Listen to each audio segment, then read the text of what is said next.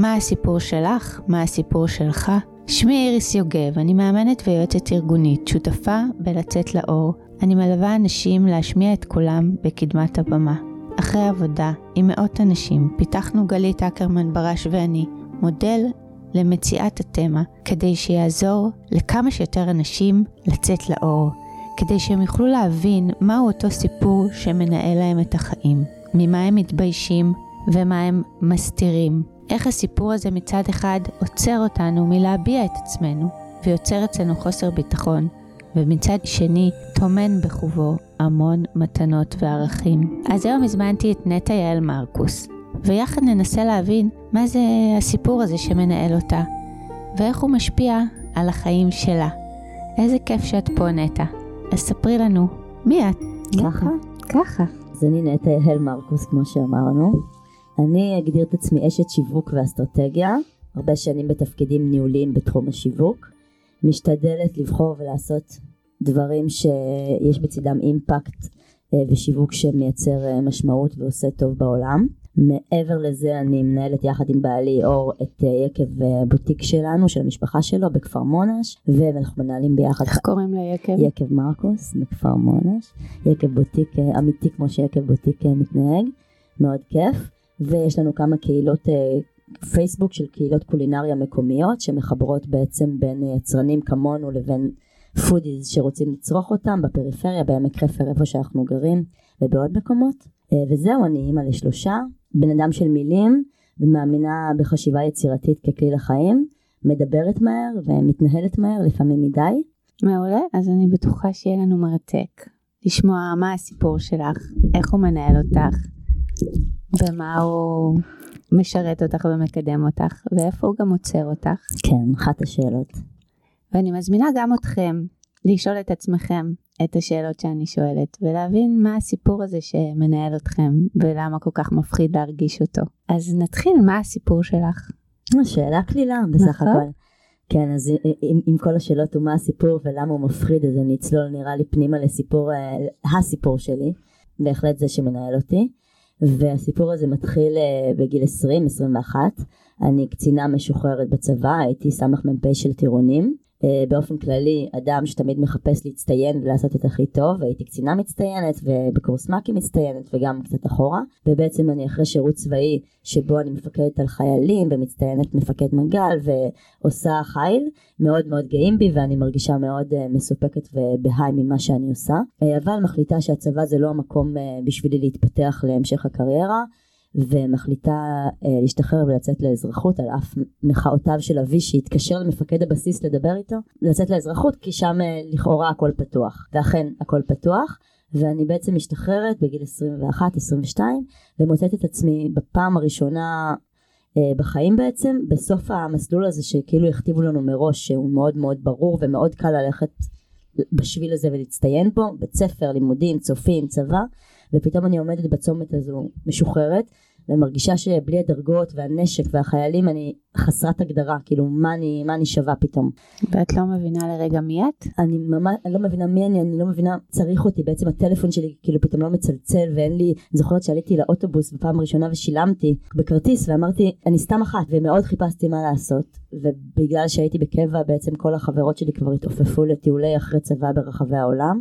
ואני קצת חששתי מלקום ולנסוע וגם היה לי חבר בארץ שרציתי להישאר לצידו ואני מחפשת מה לעשות מחפשת גם מה הערכים בעצם שמובילים אותי להמשיך את הדבר הזה שהרגשתי כל כך מחוברת אליו מהצבא. הרגשת בעצם הרבה משמעות ושצריכים אותך. מאוד, משמעות, דרגות אפילו, אה, פקוד על המון חיילים, להעביר מטווחים, לנהל צוות, זה דברים ש... אז למה לא נשארת? כי הרגשתי שהצבא הוא לא מקום מספיק יצירתי, רציתי לעסוק ביצירה, במה שאני יודעת להביא. ולא ראיתי את עצמי ממשיכה בקריירה צבאית בדיעבד לא יודעת אה, אם זה היה כמובן נכון אבל הרגשתי שאין לי, לי לאן להתקדם למקומות שאני מחפשת שהכל פתוח שם בחוץ שיש לי עוד המון מה לקבל. אז אולי הרגשת שאת מפסידה שם משהו בחוץ כי נשמע שהיית מאוד משמעותית בפנים והיה לך אני מניחה לאן להתקדם. נכון, יכול מאוד להיות. וגם הרגשתי שזו מסגרת קצת כאילו מרובעת למה שאני צריכה. קשה מדי, כן, נוקשה. כן, אה, זאת שאלה. אז השתחררתי וחיפשתי באמת את הכיוון שלי ותחת מערך הערכים ש, שסיפרתי לעצמי שחשוב לי נסעתי. איזה ערכים? ילדה בת 21, נכון. איזה ערכים? מה עשית לעצמך תהליך מיתוג? מגיל אפשר ללכת גם הרבה שנים אחורה כבר שעשיתי את זה אבל חיפשתי להרגיש את אותה משמעות כאילו אה, אם זה... אז בעיקר להרגיש משמעותית, כן, מה עוד? כן, עשייה, לעשות, לעשות משהו טוב, להיות מחוברת אולי לטבע, להעביר את ה... את היצירתיות שיש לי, אז חשבתי שאני רוצה לעבוד עם ילדים, בעצם לנסות להתחיל לטעום ממה שלעולם יש להציע. מההזדמנויות של החיים. כן, ובאמת כאילו התחושה הזאת שוואו הכל פתוח, אבל בעצם אימא'לה הכל פתוח, אני ממש זוכרת דימוי שהרגשתי כאילו אני עומדת מול, מול צומת ויש בה המון המון פיצולים וכאילו הכל, אפשר הכל זה מדהים אבל לאן אתה פונה? לאן אני פונה? אה, והחלטתי ללכת לקיבוץ, לעבוד בקיבוץ עם ילדים, רציתי לנסות לעבוד עם ילדים וקיבוץ וחקלאות ואמרתי אני אגור לבד ויקום בבוקר וייסע בטרקטור. זה היה נראה לי תמיד חלמתי לגור בקיבוץ אבא שלי קיבוצניק במקור וקהילה ו- וכל הפשטות הזאת של החיים ו- והערכים שהקיבוץ מבחינתי מביא איתו וכולי ועברתי לעבור, לעבוד בקיבוץ בצפון גם איזה קיבוץ? כפר מסריק. חבר שהיה לי דאז היה חובל בחיל הים ושירת קרוב זה ממש היה נראה לי אה, תמונה אוטופית לחלוטין. אה, ואכן עשיתי את זה. מה אה, ליד עכו? כן ליד עכו אכלנו חומוס בעכו ונסעתי לי לבד לגור בדירה קיבוצית שבפועל אם אני רגע זזה מהתמונה האידילית בפועל הדירה הקיבוצית הייתה חדר שהוא רבע חדר שנותנים למי שבא לעבוד מבחוץ הייתי לבד. חדר בקיבוץ?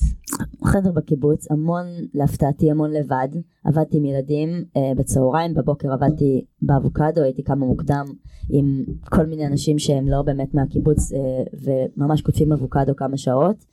אה, והייתי בעיקר אה, לבד, ממש. אה, החבר הזה שהיה חובל רוב הזמן היה במה שהוא עשה בצבא וחזר אחת לשבועיים, וממש אה, התחלתי להרגיש לאט לאט שאני מאוד מאוד בודדה וכל הדבר הזה שהיה לי בראש של שאני אעשה ומה שיקרה איתי הפך להיות uh, אני ועצמי והמון המון מחשבות uh, ובעצם לאט לאט הבדידות הזאת לקחה אותי למקום שמצאתי את עצמי חוזרת לפתרון במרכאות שהכרתי מעצמי uh, עשור קודם והוא של uh, לאט לאט להפסיק לאכול. אני אעצור ואגיד שבגילאים יותר צעירים בגיל uh, בכיתה ו' וז' הידרדרתי בעצם למצב של אנורקסיה אה, בעצם עשור אחורה מה שנגרר לאשפוז בכפייה של בסך הכל שנה וחצי בתל השומר במחלקת הפרעות אכילה לילדים. שהיית בת כמה? כיתה ו' וחצי ז'. ממש התחיל בגיל עשר כשהתחלתי את המשחקים האלה עם האכילה תחת העובדה שהייתי ילדה בכורה מאוד פרפקציוניסטית מאוד רוצה להצליח בהכל והלחץ של החיים ועוד כל מיני דברים אחרים.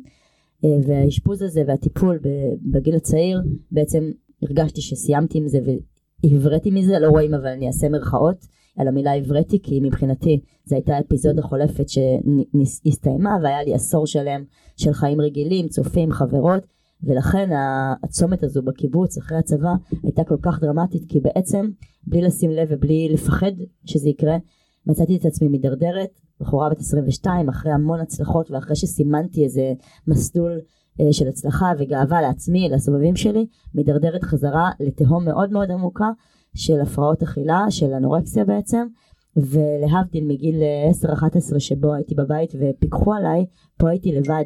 ולאט לאט לא, גם לא היה מי שישגיח וישמור וגם לא היה מי שיראה.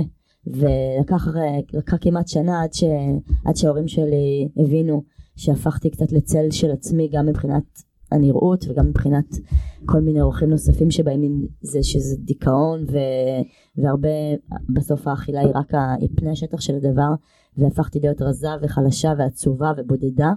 ואחרי כמעט שנה ולא הרגשת שאת בהידרדרות? הרגשתי אבל זה, זה מדרון מאוד מאוד חלקלק.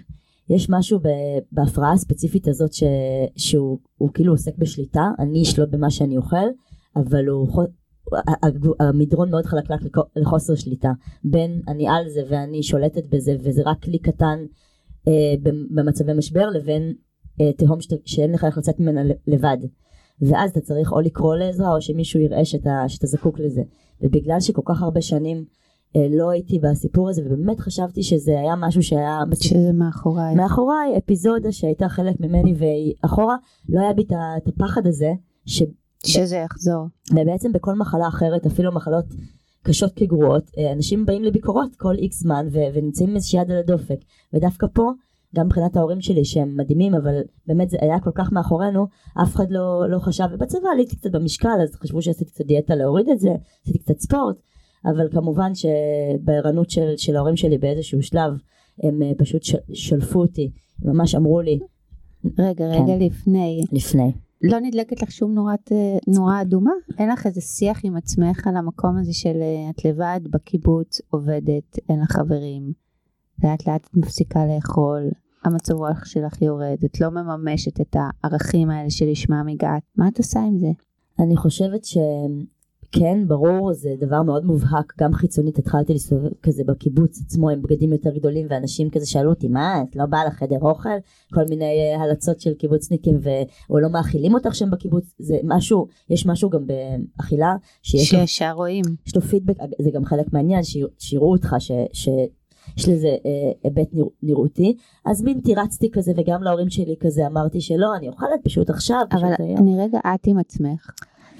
אני חושבת שלאט לאט התחלתי להרגיש שזה מידרדר, אבל א', אז לא הייתי במודעות של לבוא ולהגיד כמו היום שאני יודעת לשים את הגבול, וב' יש בזה משהו, כמו שאני אומרת, מאוד חלקלק, של אה, אתה מרגיש שאתה שולט בזה, זה שלי, כשאני אבחר אני אוכל, פשוט כרגע אני בוחרת מזה, שלא, הבנתי. וגם ההבנה שזה הופך להיות משהו שמנהל אותך ולא אתה מנהל אותו, זה, זה מאוד מאוד tricky, בין להגיד אני מחליטה ובוחרת לדלג היום על ארוחת צהריים, לבין אני כבר לא מסוגל לשלוט בזה וזה גדול ממני, אז לא ידעתי להגיד את זה, לצערי אז. לא הבנת שזה שולט בך. אני חושבת שבשלב שהבנתי כבר, כבר סימנתי להורים שלי, זאת אומרת אני בן אדם שיודע לבקש עזרה והיה משהו בשילוב של איך שאני תקשרתי את זה להם והנקודה הזאת שבה הם שלפו אותי ואמרו לי אנחנו הולכים לקחת לך את התיק לשם לא. היה. זה היה כמעט, כמעט שנה, באתי לקיבוץ הזה לשנה, נגיד אחרי כמעט שמונה חודשים, באחת השבתות אצל ההורים, שברוב השבתות, אגב חלק מהטריק של הדבר הוא מול אנשים ובשבתות וגם ליד החבר. שלי, לאכול, להתנהל כרגיל גם, באמת ליטרלי הייתי כל כך רעבה רוב הזמן שהייתי מחכה למקומות האלה שאחרים יוציאו אותי מעצמי. ובשבת הייתי אוכלת ומתנהלת כרגיל וכמובן חוזרת ומאזנת את ה... בגלל זה הבדידות היא כל כך גרועה לזה אה, שאף אחד לא מסתכל. התנהגותית רואים שאתה מתנהג רגיל ולכן זה מאוד מאוד אה, קשה לראות. אה, ובאמת אחרי איזה זמן באמת כבר הייתי פיזית חלשה ואני ממש זוכרת את עצמי באה להורים בכוכב יאיר הייתי חוזרת לשבתות הייתי מחכה לזה ו- ויורד אליהם במדרגות כזה מחזיקה את המעקה כמו שסבתא שלי הייתה יורדת במדרגות כבר מרוב חולשה. ומנסים לנהל איתי עוד שיחה על זה. אני גם הרבה פעמים הנושא הזה של הפרעות אכילה בא יחד עם דווקא אינטליגנציה וורבליות והרבה תכונות אה, בצד השני. שמכסות. שמכסות. אז היכולת לדבר את זה ולהסביר למה זה לא. הייתי נואמת נאומים שלא היה להם איך, אה, איך היית להגיע משכנעת אותם שהכל כן. בסדר בעצם. נכון, וגם אותי אולי, ב- אז. ושם אמרתי להם, אה, אני- צריכה עזרה, אני לא, לא יכולה להמשיך ככה.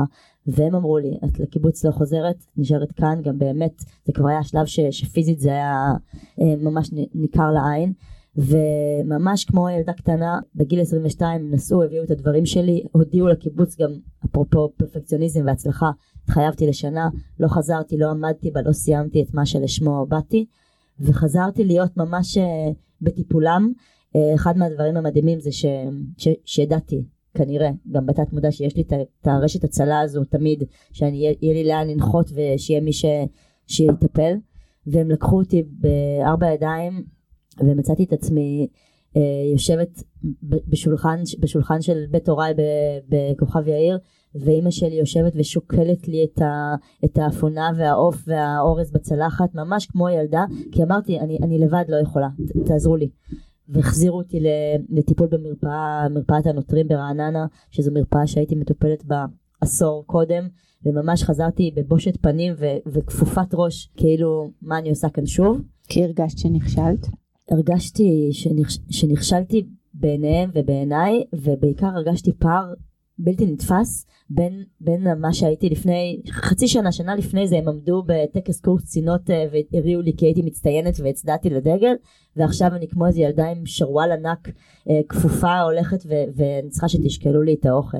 כלומר הפער הזה בין בין המסלול, ילדה עצמאית מצליחה פרפקציוניסטית לבין אה, מישהי שצריכה ממש ישקלו לה את האוכל ויאכילו אותה. ותמיכה ועזרה ויעשו עבורה. והתרגיל הלא פשוט היא גם להגיד, הוא מבחינתי היה להגיד אני צריכה את זה ולהיות מוכנה, כאילו להיות במקום הכל, הכל כך נמוך הזה. כי אמרתי זה כמו בור שבאמת לבד אין לי דרך לצאת ממנו. אה, אז הרגשתי פער עצמי מאוד מאוד גדול בין איזה מסלול הצלחה לבין כישלון מאוד חרוץ. וגם אה, באמת הייתי בהלם אמיתי מזה שחזרתי לדבר הזה. כאילו מבחינתי זה בסדר, לכל אחד יש אישוז עם אכילה ועם הגוף שלו וזה, אני קצת לקחתי את זה לקצה בגיל הצעיר כי אני לוקחת דברים לקצה ואני עושה אותם עד הסוף. עד הסוף. אז הנה בסדר עשיתי את זה עד הסוף. זה גם באמת שנים שזה לא היה כמו כל כך מדובר או אפילו מקובל כמו בימי הרשתות החברתיות של היום. כאילו אז לא היה מקובל לדבר על זה. לא היה מקובל לדבר על זה, היה אלמנט של הסתרה וגם לא היה, אה, התופעה הזאת מאוד הועצמה בשנים האחרונות נכון. בנתונים מאז ש... מאז שבטח בטח שהייתי בגיל 10 בגיל, בשנות התשעים זה בטח לא היה משהו שאני אמרתי לחברות שלי לא אני הולכת לבית חולים כי יש לי בעיה בבטן אמין אה, מאוד לשנה וקצת אבל זאת אומרת זה בטח לא היה משהו לדבר עליו וגם וגם אה, בגיל 20 כולם כבר מתחילים את החיים שלהם, כולם מצליחים, הרגשתי פער מאוד מאוד גדול וגם לא ידעתי אם אני, אם אני אשוב למסלול ואיך. אמ, אז זאת נקודה מאוד מאוד מאוד נמוכה בחיי שהיא ממש מסמנת אה, את הלפני ואחרי והסוף של הסיפור הקטן גדול הזה הוא שבאמת באותו, באותה אפיזודה בעצם חזרתי לטיפול במרפאה הזאת בנוטרים ואותה מנהלת שהייתה גם אה, עשר שנים לפני פגשה אותי ו... זה כמו לחזור כזה לאקס אבל בקטע רע אני ממש לא האמנתי שכף רגלי עוד עורכת גם שם הייתי שם סיפור אצלך אני יצאתי מזה אני הייתי שולחת להם תמונות ש, שאני עם המבורגר כאילו והנה אני שוב עומד בפתח וישבתי בושה ונכלמת ובאמת גם בדיכאון קליני ו, ואמרתי לה שאני לא מבינה איך, איך, איך זה קרה בכלל איך הידרדרתי והגעתי עד הלום. והיא אמרה לי בצורה מאוד אה, אדישה את מופתעת כאילו זה לא עובר, רוב הבנות חוזרות לזה. ו- וזה ממש, הסתכלתי עליה ו- וכעסתי. רציתי להגיד לה, אולי רוב הבנות שהן לא כמוני, אולי הממוצע, אבל אני, שאני יודעת ואני מודעת ואני אינטליגנטית, אני, אני חוזרת לזה, ו- וכאילו כעסתי שמה מה את מספרת לי את הסיפור של כולם? מה את משווה אותי לכולם? אני מיוחדת, אני אחרת. ממש ככה, ואני יצאתי מזה, אני, אני סיפור ההצלחה שלך, וזה נורא נורא הרגיז אותי, גם במובן הזה, וגם במובן של אם ידעתם ש... הרוב חוזרות שזה. חוזר. איפה, איפה היד של על הדופק? למה אף אחד לא, למה אף אחד לא אמר? למה אין אה, איזושהי, באמת, כמו שאמרת, פגישה, פגישות ביקורת, ממש, שיחות. הרי, הרי גמילה מכל דבר, אנשים סופרים ימים, ומחלות, באמת, לאורך שנים אנשים עושים ביקורות אחת ל... ופה כאילו שום דבר, וזה בעיניי היום גם כאימא, אני אומרת, once יש איזה, איזה, איזה משהו בנרטיב ש, ש, שקרה, כל טריגר דרמטי בחיים, בדידות כזאת, שחרור מצבא, פרידה, הריון, לא משנה מה, אני רואה את זה עד היום אצלי ב-20-30 שנה שעברו מאז, כל צומת כזו משמעותית בחיים, אני צריכה היום להיות עם היד על הדופק כדי לראות, אה, האם, אני, האם זה מידרדר, האם זה, זה מעלה את ראשו, או האם אנחנו צולחים את זה. ואני חושבת שהסתכלתי ואמרתי, מה את יושבת כאן במשרד באדישות כזאת, איפה הייתם כדי, כדי לבדוק, או איפה הייתם כדי לתדרך את ההורים לבדוק. אבל באותה מקום גם אמרתי לעצמי, אוקיי, אחרי שקצת הצלחתי לצאת מהבור הזה, אה, אמרתי לעצמי אוקיי זה, זה הדבר שלי, זה לא עובר, זה חלק ממני, אין בעיה, אני אלמד לעשות ממנו כמו שאני יודעת, לקחת מזה את הדבר, את הדברים הטובים שמקדמים אותי, ואולי במרכאות לבחור איפה זה משרת אותי בחיים, כאילו אספתי את זה לסל שלי, ואמרתי סבבה, כמו צבע העיניים, זה חלק ממני עכשיו, ומאז אה, אני מתנהלת עם זה. שזה, שזה נקודה מאוד מאוד משמעותית שלא רק אה, מחלות פיזיות צריך לבדוק, אלא כשיש איזושהי בעיה רגשית נפשית, אז צריך לבדוק אותה לאורך זמן ולהיות עם היד על הדופק. גם את כאישה בוגרת, וגם באמת אולי על ידי מישהו מקצועי, כדי לא להידרדר ולאבד את זה. ומה הפחד הכי גדול שלך בחיים? את עם השאלות הקלילות שלך, אני חושבת... שקשור כמובן לסיפורים כן. שלנו. אני חושבת שזה הפחד uh, לא להיות הכי טובה, כאילו הפחד להיות בינונית. בינוניות זאת מילה שממש uh, מכאיבה לי בבטן. ו, ואני חושבת שזה גם, זאת אומרת גם הבחירה הזאת, שוב במרכאות באנורקסיה, בהפרעת אכילה, זה בעצם הרי תינוק שרוצה לשלוט במשהו, הוא שולט באוכל שלו, הוא סוגר את הפה ולא אוכל את מה שנותנת לו. זה כאילו הבחירה הכי ראשונית, עוד שהייתי בת 10 או 11, להגיד, אוקיי, אני לא יודעת במה אני אהיה הכי טובה, אני אולי לא אהיה התלמידה הכי טובה או הכי מקובלת, או אולי במשפחה אני לא הילדה הכי חמודה, ליטרלי אני לא. אז, אז יש את הדבר הזה שבו אני תמיד אהיה הכי טובה, יש לי כוח רצון ובזה אני יכולה לשתות. מה זה הדבר הזה? ה, ה, להיות הכי רזה כאילו, להיות, שוב, היום זה נראה, אני אומרת את זה בקול רם, כי, כי אני מדברת על זה, אבל זה לא, אני, ברור לי שלא בא עם זה משאית של מדליות, ושזה גם לא כנראה הטייטל שהכי טוב שאני אסע איתו, אבל זה כאילו איזשהו עוגן שיש לי אותו תמיד, אה, תמיד ב, ביד, איזושהי, איזושהי יכולת בסל היכולות שלי. אולי גם אם דברים לא יצליחו, גם אם אני, הנה עזבתי את זה, השתחררתי מהצבא, אבל את זה אני יודעת לעשות. כאילו. בזה אני יודעת לשלוט, ואני יודעת להיות, להיות הכי, הכי טובה. זאת אומרת, את יודעת להיות הכי טובה ולהיות הכי רזה? כן, זה מגוחך ככל שזה לא, נשמע. לא, לא מגוחך, כן. אני מנסה להבין. כן, שוב, היום אני כבר יודעת שיש לי יום אחר. אבל אני רוצה רגע, במה את טובה יש לך מלא דברים. אה, אבל אני רוצה רגע, הפחד הזה בעצם, את אומרת שהפחד הוא לנסות לשלוט בדברים, או הפחד הוא להיות מושלמת בכל דבר שאני עושה? לא להיות מושלמת. הפחד הוא לא להיות הוא לא- מושלמת. לא, לא להיות מושלמת, ובאמת להיות אה, כאילו, אני אגיד סתם אחת, זה משהו, זה מונח שאני מכירה מעצמי, השיחות שלי עם עצמי מגיל צעיר. להיות סתם אחת, לא, לא הכי בכלום, להיות בינונית. אז ספרי לי רגע על המקומות שהיית אה, סתם אחת. כשהרגשת כמובן שזה סובייקטיבי שלך. אני חושבת שבהרבה מאוד דברים אני סתם, כאילו אני, שוב, אה, תמיד על, על לאסוף טייטלים ולספר לעצמך מה יש לך, ובכל שאר החיים, שזה בעצם רוב הזמן שבו אתה מקפל כביסה בסלון, אני כאילו, בעצם, אתה לא יכול להיות כל הזמן שם. אז דווקא נראה לי שרוב החיים אני, אני בעיניי, אה, כאילו, סתם אחת. תני לי שלוש דוגמאות. אני, אני חושבת שאני אימא, כאילו, סבירה. לא מצטיינת. הבית שלי אה, מאוד לא מסודר ומנוהל והילדים שלי הרבה פעמים לא מוצאים אה, את הגרביים המתאימות אחת לשנייה. וגם אני חושבת בבחירות שלי בקריירה אני בוחרת לזוז בין מקומות לא בהכרח לעלות ליניארית בסולם הדרגות שנותן לך היה יכול לתת לי אולי טייטלים שהם אה, היום אחרים.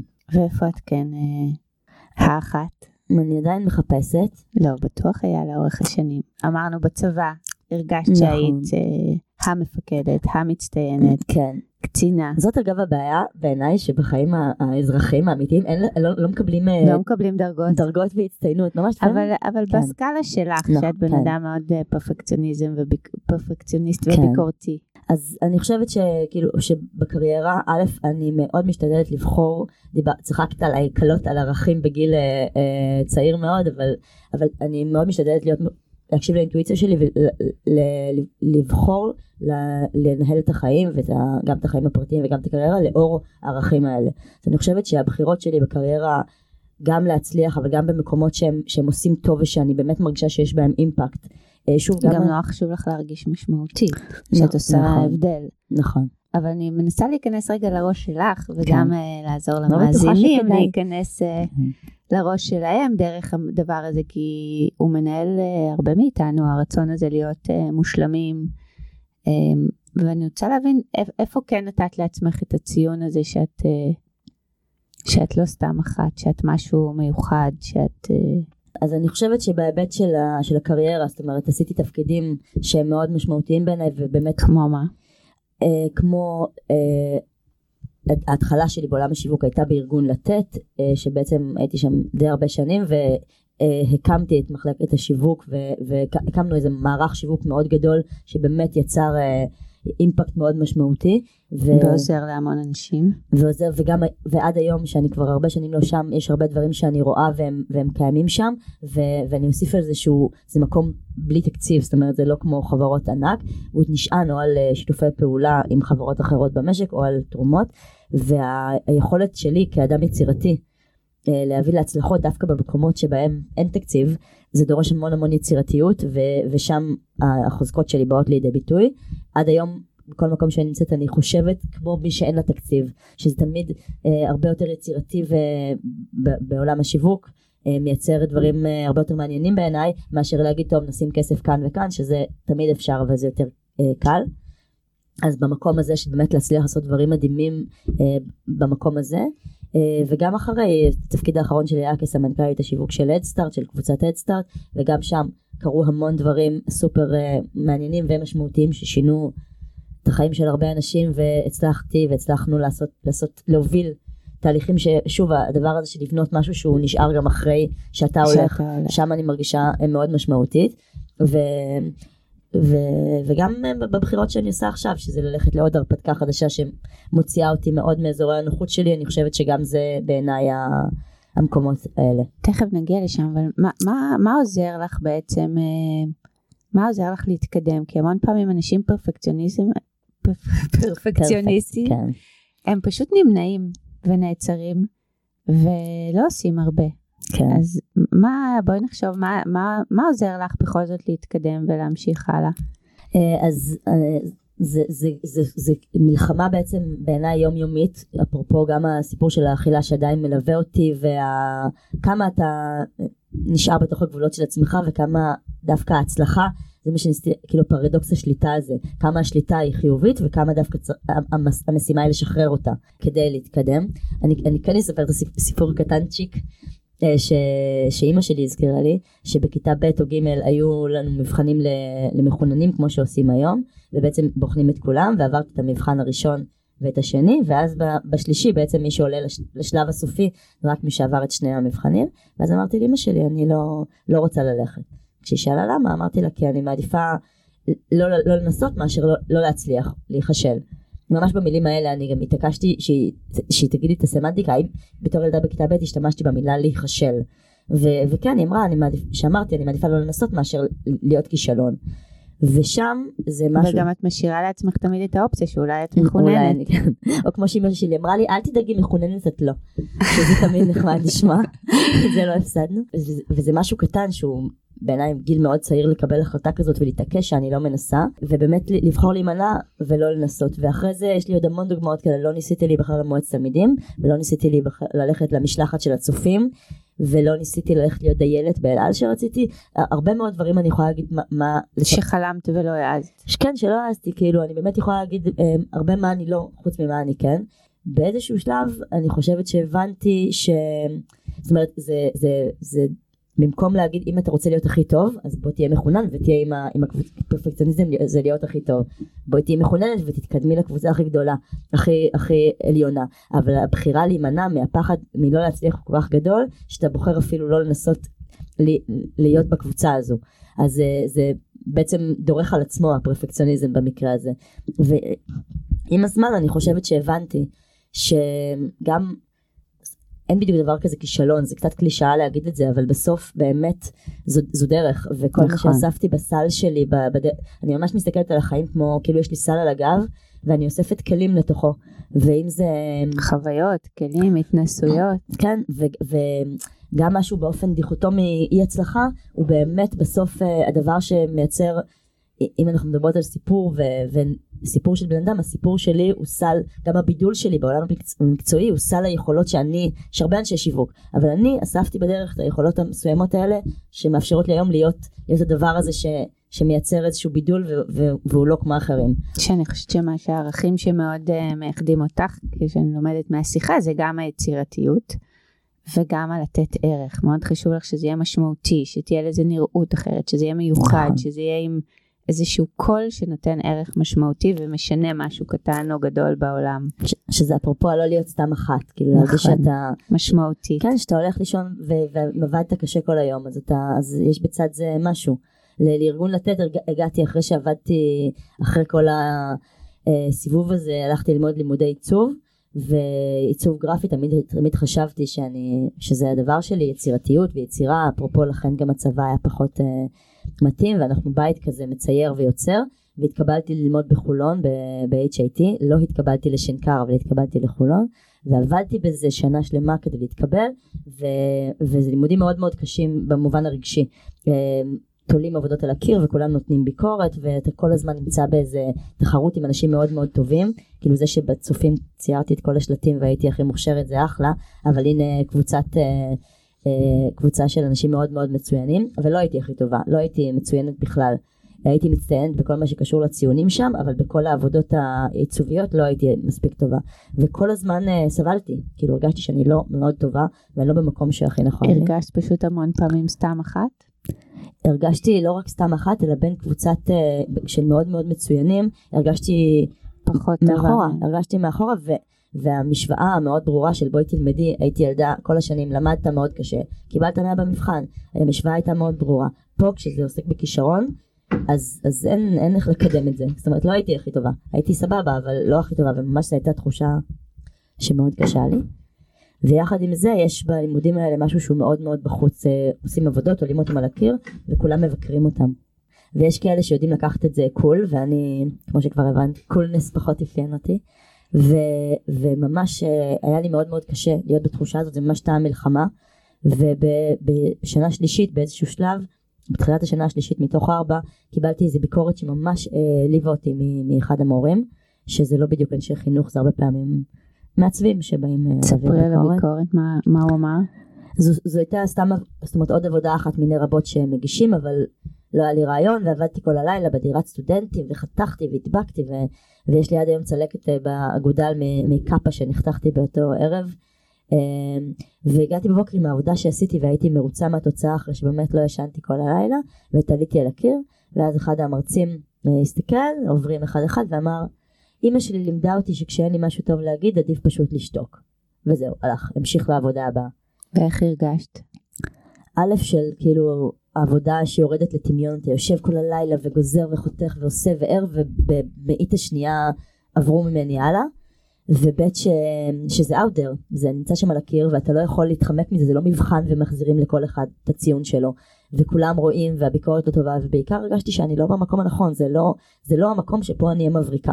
יש לי המון דברים אני יודעת אני יודעת הרבה דברים שקשורים לעיצוב את הוויזואליה את הרעיון את הקופי אבל לא, לא, לא את העיצוב עצמו. ואמרתי וואי אם, אם הייתי יכולה ללכת ולעשות משהו אחר אבל אני בשנה שלישית בלימודים לא הולכים פתאום ועושים משהו אחר.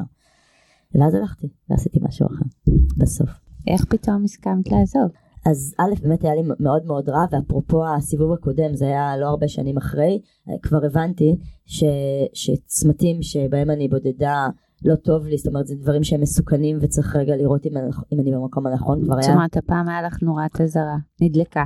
הייתה לי נורת אזהרה, הייתה לי את היכולת לדבר את זה עם המשפחה שלי, עם, עם ההורים שלי בכלל. לשתף, שזה מאוד מאוד עוזר בנקודות. מאז אני, מאז אני מאוד משתפת, היה לי גם כבר את אור שהוא מאז בן זוגי ו, ואב ילדיי היום ואיתו כהפקת לקחים מהחובל ההוא מ-day one אמרתי לו תקשיב זה הדיל כל אחד בא עם השריטות שלו זה התיק שלי הוא לא הכי גרוע יש דברים יותר גרועים ואתה חלק מהדבר הזה זאת אומרת החבל הצלה שדיברתי עליו זה לדעת שיש לך סביבה ש... שהיא תומכת ואפשר לשתף אותה ברגעים שאתה נופל. תומכת ואפילו מקבלת תפקיד, זה, זה לא הדבר הכי סקסי להגיד לבן זוג אני צריכה שתהיה השוטר או, ה, או המאכיל או הפסיכולוג או לא משנה מה, אבל ממש באופן כללי אני כמו לדבר על זה כאן עכשיו אני חושבת שזה דבר גם מאוד משחרר וזה גם ממש כלי באפרופו בסל הכלים הזה לבקש אה, עזרה מה, מה, מהאנשים מסביבך כשצריך. סביב זה אור שגר אז בתל חי ועזב שם מסיבות אחרות אמר לי שהוא עוזב את הלימודים בתל חי והוא אדם שהרבה יותר קל לו לעזוב דברים. ואז אמרתי לו יואו איזה כיף לך איזה מדהים שאתה קם והולך. הוא אמר לי אבל גם את יכולה כאילו זה לימודים את יכולה לעזוב.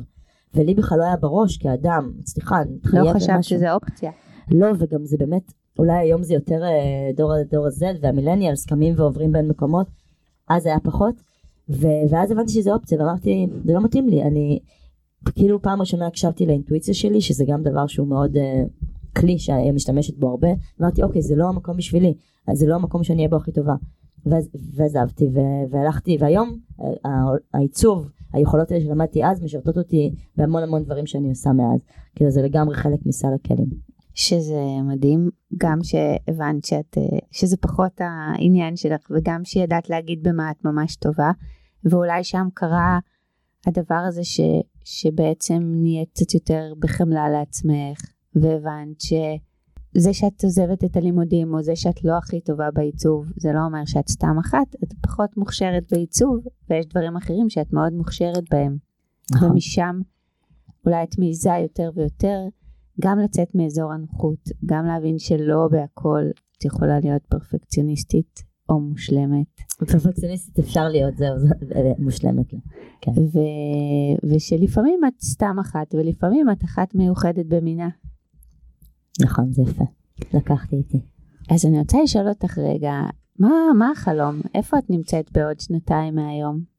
אני כל הזמן אה, רוקמת חלומות וכותבת כותבת לי אותם וגם אפרופו זה בודקת כאילו אם אני בבחירה במקום הנכון קריירה אימהות אה, הכל אה, הדרך החיים שאנחנו שאני חיה אני חושבת שזאת שאלה נורא מתגלגלת היא משתנה כל הזמן. שאלתי אותך היום בעוד שנה. שנתיים. שנתיים. שנתיים. אני חושבת שזה אה, מעבר ללהמשיך להתפתח בקריירה ובאמת לצאת למקומות אה, אחרים אה, שכאילו מרחיבים את אזור הנוחות שלי זה למצוא את הדבר המשמעותי הזה שאני כל הזמן חוזרת על משמעות ש, שהוא, שאני עושה בעולם זאת אומרת את המשהו הזה שאני אה, מקימה או עושה שהוא משנה חיים של אנשים אני עוד לא יודעת מהו. שהוא שלך. אני חושבת שהוא שלי. זה ההבדל, כי אני חושבת שגם היום את עושה נכון. דברים שמשנים חיים של אחרים, זאת אומרת זה חשוב לך מאוד בערכים ובבחירת מקום העבודה.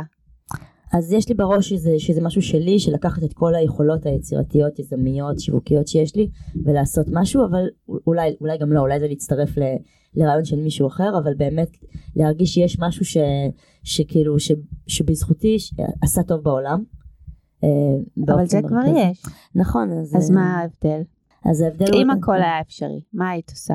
זה ה, לא החלום שאת יודעת להגשים. כן, אז זאת תשובה, זאת שאלה באמת, באמת קשה, ואני חושבת שכן הייתי הם, עושה משהו עם אימפקט בעולמות של אה, דווקא של בדידות של קשישים ושל חיבור בין דורי, אני חושבת שכאילו אנשים מבוגרים, היום יש המון זלזול בדור הזה, וכל הדבר של חיבור ילדים ל, ליכולות, יש, יש המון זלזול במי שהוא לא צעיר, והמון בדידות אצל אנשים מבוגרים, ומשהו אה, בדבר הזה שמראה, ש, שמחבר על בסיס יכולות. איך בסיס... זה קשור אלייך?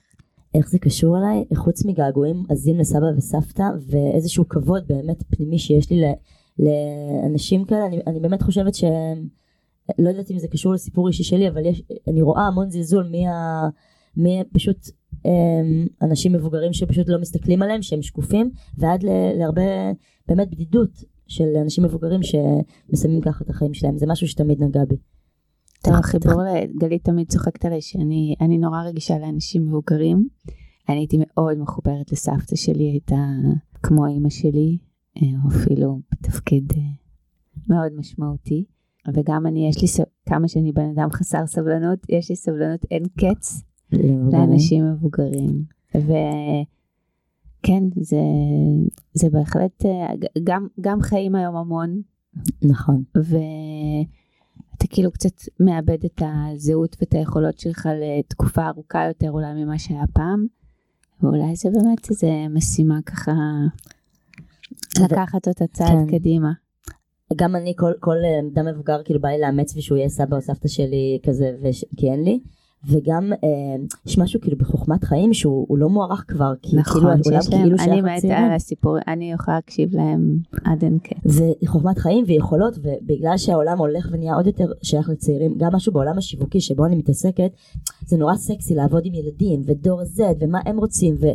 אף כאילו הצד השני, צבעוני, מהיר, כן, בטלוויזיה את רואה הרבה פחות ייצוג למבוגרים, נכון. עזבי שכאילו כבר קמטים זה לא לגיטימי וכל זה, אז זה ממש דבר שהולך ו- וכאילו נכחד, ו...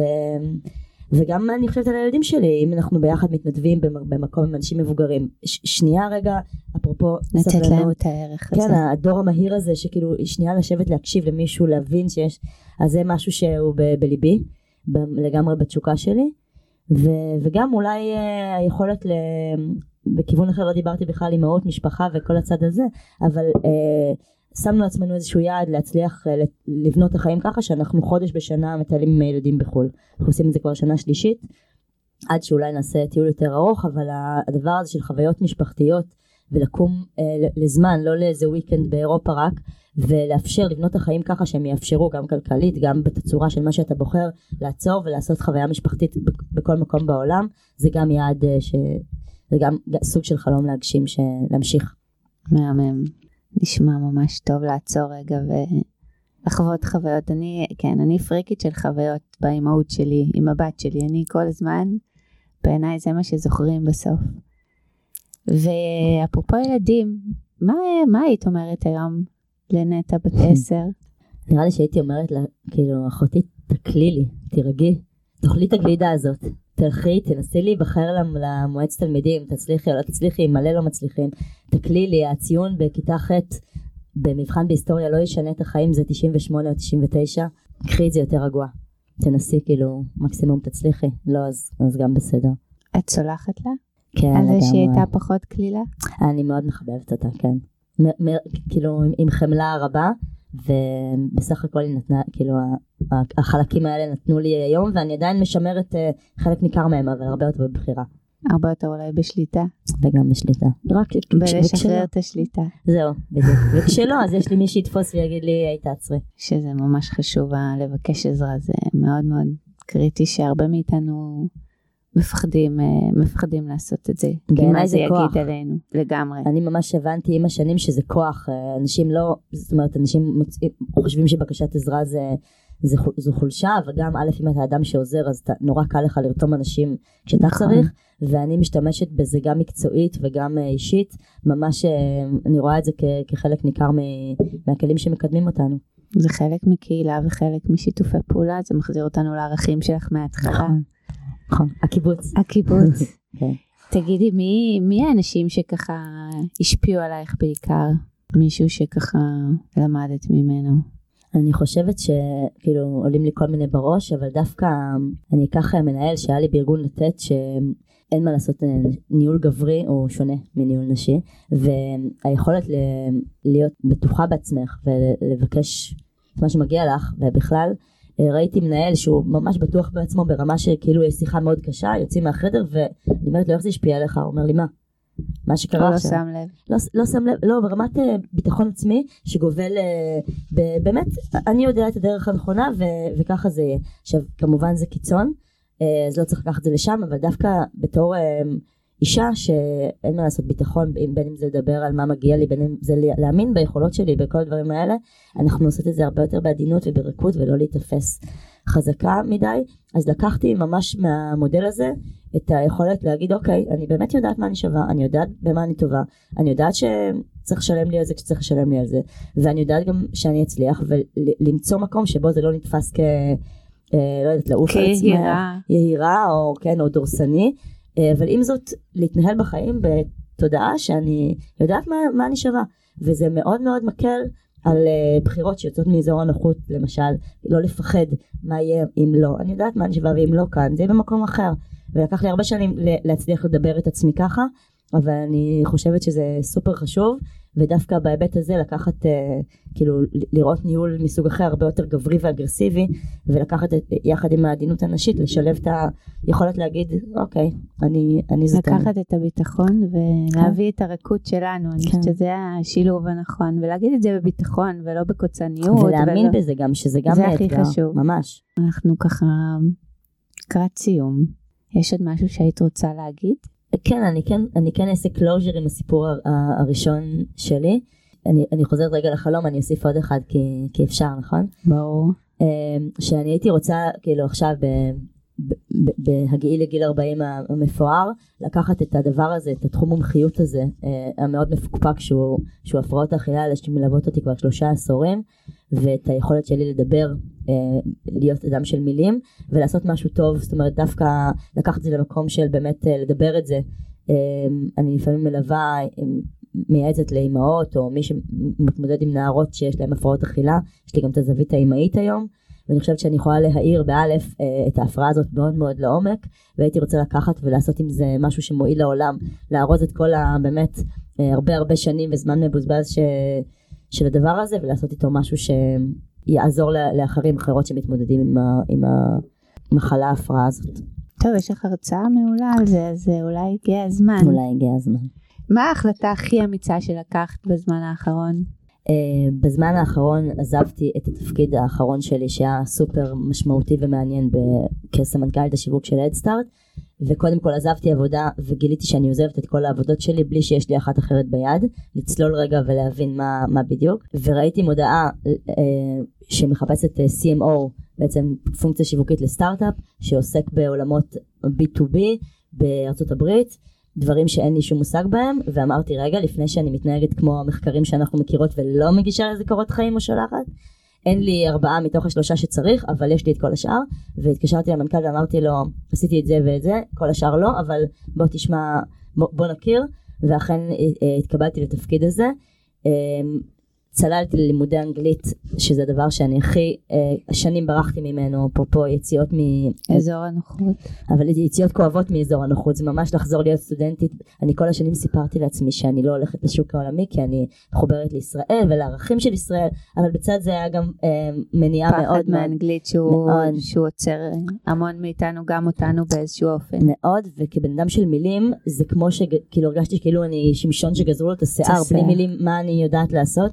וממש בחודשים האחרונים אני לומדת אנגלית uh, בזום עם uh, מורה ועם אבא שלי בשיחות זום ואני שומעת בצד את, את הבת שלי בת עשר לומדת אנגלית uh, ואנחנו די כאילו ב-level לא רחוק. ו- ויצא לי לדבר כבר מול קהל וזה ממש ל- לצלול פנימה לעשות סוג של תוכנית עבודה ולהגיד אני לוקחת את זה וגם התחום המקצועי ש- ש- אז בצד אחד זה להגיד באותו רעיון עבודה או זה סמוך עליי, אני יודעת מה אני עושה, אני טובה, אני אצלח את זה, ואז שאתה מתקבל גם ללכת ולעשות את זה. בדיוק, ולצמצם את הפערים האלה בדרך שהיא אה, מתודית, ושם אני לוקחת את הפרפקציוניזם ואת המוטיבציה. ונעזרת ו... בו כן. בשביל להצליח, ולא מעגלת פינות, ולומדת ו... כל מה שצריך. כן, ונעזרת באנשים, ממש בכל אחד מהזה, ומהתחומים שיש לי בהם פערים, ואומרת, אה, לא אצליח, עדיין יש לי בסל את כל שאר הכלים שלי, אני אלך לדבר הבא. שאם אני מחברת אותנו לשיחה שלנו, אז uh, גם ה... כשנפגשנו היום בבוקר אמרת לי, יואו, אני בתקופה שאני רק יוצאת מאזור הנוחות, וזה הדבר uh, שהכי קשה לי.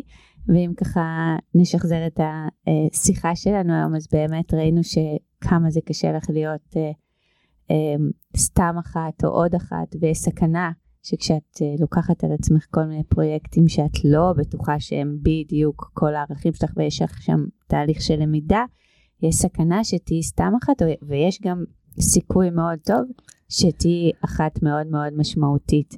וזה מדהים שאת מסכימה ללכת בדרך הזאת, ושאת נעזרת באנשים, ושאת יודעת במה את מעולה, ובמה את צריכה להשתפר. אני חושבת שזה בדיוק, ה... אנחנו תמיד אומרות משואה, משואה לתקומה, אז בדרך יש את הדרך ויש את הלמידה, ואת ממש ממש עושה אותה, ואת גם בנקודה כזאת שכל יום קורה משהו חדש ממש. שאת צריכה להתמודד ולבחור וללמוד ולהבין שלא הכל יהיה מושלם, אבל את הרבה הרבה יותר שלמה עם עצמך ועם מי שאת. נכון, ובאמת לא הכל מושלם, וזה כאילו נשמע... וזה נשמע הרבה... לך בסדר. לא, אני אומרת, יש בזה הרבה קלישאות בלהגיד טוב ולא הכל יהיה מושלם, אבל בפועל, אם הייתי באיזה פגישה ודיברתי לצורך העניין אנגלית לא טובה, אני ממש, קשה לי עם זה, אני לא, לא אוהבת להיות לא טובה. מצד שני, זה, אני מבינה שהמקומות שנשאר, שזה לא מקדם, שזה מקומות בדיוק כמו לא ללכת למבחן המחוננים, זה יוצ... להימנע זה לא, זה לא להתקדם מבחינתי. אז אני, כן, זה, אנחנו בדרך, אני גם אומרת יאללה, אה, הדרך היא הדבר כנראה, לא יודעת לאן נגיע, אבל אה, הנה, זאת הדרך ואני משתדלת אה, להאמין בה, כאילו שהיא תוביל אותי למקומות הנכונים. אז אה, וואו, קודם כל אני מאחלת לך שתמשיכי ללכת בדרך הזאת ולהקשיב לעצמך ולאינטואיציה שלך ולדעת איפה את מצוינת ואיפה המקומות כמו לכולנו שצריך אה, ללמוד, להתאמץ. ויש גם מקומות ש... שזה פחות uh, טוב לנו ולדעת לבחור, לבחור בין כל המקומות האלה איפה המקום שהוא גם אנחנו יכולים להביא את הערך שלנו והוא טוב לנו וגם יש לנו לאן להתפתח, אני חושבת שזה נותן גם לנו סיפוק ומשמעות, ובאמת מקומות שהם uh, עושים הבדל ושינוי כמו שחשוב לך לא לוותר עליהם. וזה כבר חזק ממך, אז אני בטוחה שלא תוותרי. כן. אז uh, לפני שאני סוגרת ככה את השיחה שלנו, עוד משהו? אני כן אגיד שנראה לי שאחד הדברים שיכולים להקל על אנשים כמוני, ובכלל, זה היכולת של העולם הזה שנהיה עולם מאוד של גם וגם. כאילו לא צריך לבחור במשהו uh, אחד ויחיד, ולי זה, זה מאפשר, אה, כאילו אתה, אתה לא צריך להיות הכי טוב בטייטל היחיד שלך, כי אתה גם וגם וגם עוד כל מיני דברים. אני שיש לי גם נגיד את היקב וגם את הקהילות וגם את העבודה וגם את הזה, אז באמת אם באחד מהם לא תהיה אה, 100, אה, כן בשאר תהיה, וזה נראה לי משהו שיכול את אותה ילדה בת עשר להקל, מה שתבחר, הלימודים, המגמה, זה לא בהכרח מה שתצטרך לעשות כל החיים, ואפשר לתפור את העשייה שלנו מכל מיני גמים שכל אחד מהם ייתן לנו משהו אחר. שכל אחד ייתן ערך אחר ונוכל להביא לידי ביטוי את מי שאנחנו ושהכל נורא נורא גמיש ומשתנה זה בעיקר ממש. אה, בעידן שלנו זאת אומרת אנחנו לא עובדים כבר בעבודה אחת 30 שנה אה, ואנחנו יכולים לעשות גם כמה דברים במקביל ולהתחיל לזרום ולראות אה, אם זה עובד לי ולבת שלי יש ובטח לעוד רבים אבל אם משהו כאילו הולך קשה, אז היא כבר יודעת להגיד, אמא זה כנראה לא היה צריך לקרות. ו...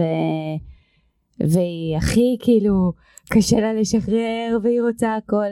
אבל באמת, אני, וגם גם אני כזאת ב-DNA המקורי שלי, אבל אני למדתי עם השנים שיש דברים ש, שקורים בקלות ובכיף, יש דברים שאנחנו מתאמצים עליהם, ו, אבל הם, יש איזה פידבק, כאילו לעבוד בחלל ריק זה נורא נורא קשה, ויש דברים שהם פשוט לא, נכון. ו, ואותם אני חושבת שצריך לשחרר, וזה גם, גם גם וגם, וגם לדעת לשחרר. נכון, ממש, ממש. וואו, נטע, תודה רבה על הפתיחות, הכנות והשיתוף הכנה שלך. אני מאחלת לך לאכול גלידה ולהרגיש שזה ממש בסדר. להמשיך אה, לאתגר את עצמך, לצאת מאזור הנוחות, וגם למצוא את המקומות שתומכים בך, ולדעת באמת לבקש עזרה, ופשוט אולי להיות יותר שלמה עם עצמך. אז תודה רבה לכם שהאזנתם לנו. אתם יכולים להאזין לנו בכל האפליקציות של הפודקאסטים. תודה רבה לפודקסייה ולשלום על ההפקה. תודה רבה לאופן ואלי בקיסריה שמארח אותנו. אם אהבתם, אני ממש אשמח שתעבירו הלאה. אתם גם מוזמנים לבקר באתר שלי או בדף העסקי בפייסבוק של לצאת לאור, ויש לנו גם אינסטגרם ממש חדש. אז תחפשו פשוט מה הסיפור שלך עם איריס יוגב.